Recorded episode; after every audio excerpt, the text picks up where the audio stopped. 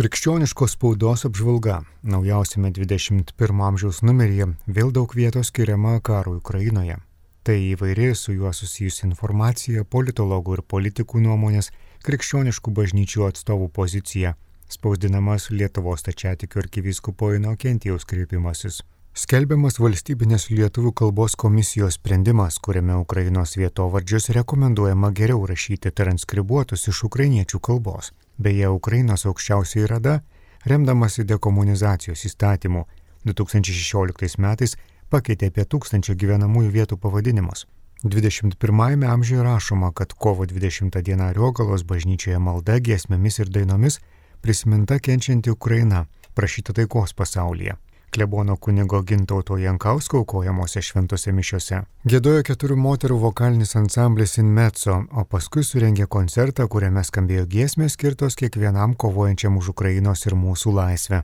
Renginėje dalyvavo ir kalbėjo kraštietis Lietuvos nepaprastasis ir įgaliuotasis ambasadorius Ukrainoje Valdemaras Sarapinas. Ansamblis dar gėdojo ir Šiluvoje, bet įgaloje bei pajėgukose.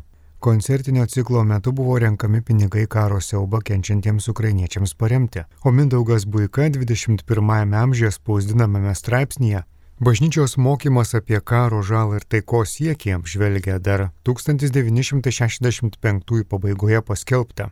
Antrojo Vatikano susirinkimo pastoracinės konstitucijos gaudime atspės penktąjį skyrių taikos puoselimas ir bendrystės plėtojimas.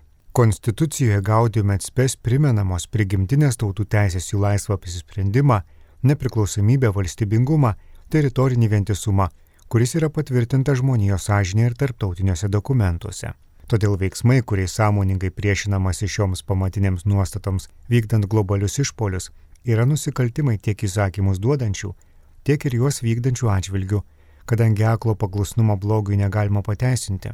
Atsakomybė dėl dalyvavimo karinėje agresijoje yra bendra ir tokio baisaus nusikaltimo naikinant kitą valstybę tautą, etninę grupę organizatorius bei vykdytojus reikia griežtai pasmerkti. O drąsa tų, kurie nepabūksta atvirai pasipriešinti, nusipelno didžiausio pagirimo, patvirtinama antrojo Vatikano susirinkimo dokumente.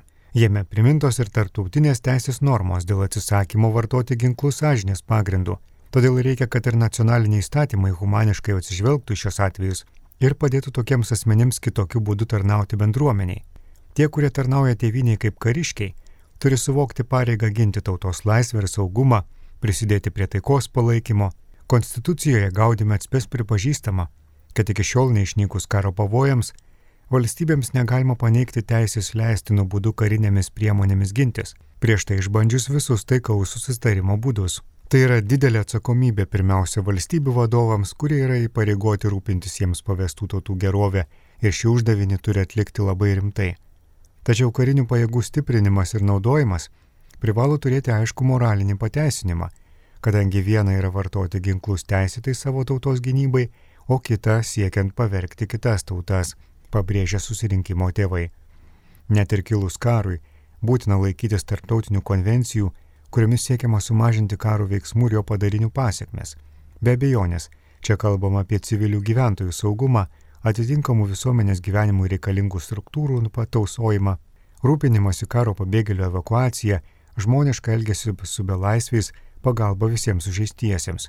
Bažnyčia primena, kad ir karinio konflikto metu be perstojo galioja moraliniai įstatymai, todėl būtina rodyti žmoniškumą priešų atžvilgių ypač rūpestingai elgiantis su sužeistais kariais ir belaisviais, bei visais civiliais gyventojais, garantuojant jiems saugią evakuaciją iš kovos lauko.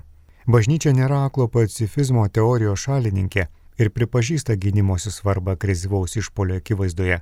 Straipsnėje nurodomos priverstinės karinės savyginos sąlygos. Kadangi praėjusią savaitgalį minėjome Lietuvos katalikų bažnyčios kronikos 50-ąjį jubiliejų, laikrašties spausdinami keli su juo susijęs tekstai Tai apie Šiluvoje atidarytą parodą Lietuvos katalikų bažnyčios kroniką ir Šiluvą, Zigmo Tamakausko straipsnį, analizuojant šio pogrindinio leidinio atsiradimo aplinkybės ir prezidento Gitano Nausėdos sveikinimą jo bendradarbiams. 21 amžiaus priedė 21 amžiaus horizontai irgi nemažai rašoma apie Ukrainą, taip pat apie Baltarusiją, iš kurios į ten skrenda Rusijos raketos. Ieškoma analogijų tarp Rusijos karinės agresijos Sakartvele 2008 ir Ukrainoje šiemet Čia rasime straipsnį ir apie Ukrainos prezidentą. Šie ir kiti įdomus straipsniai jūsų dėmesiui laikraščio 21 amžius numeryje pasirodysiančiame jau rytoj. Apžvalgą parengė redakcija, perskaitė Andrius Sakalauskas.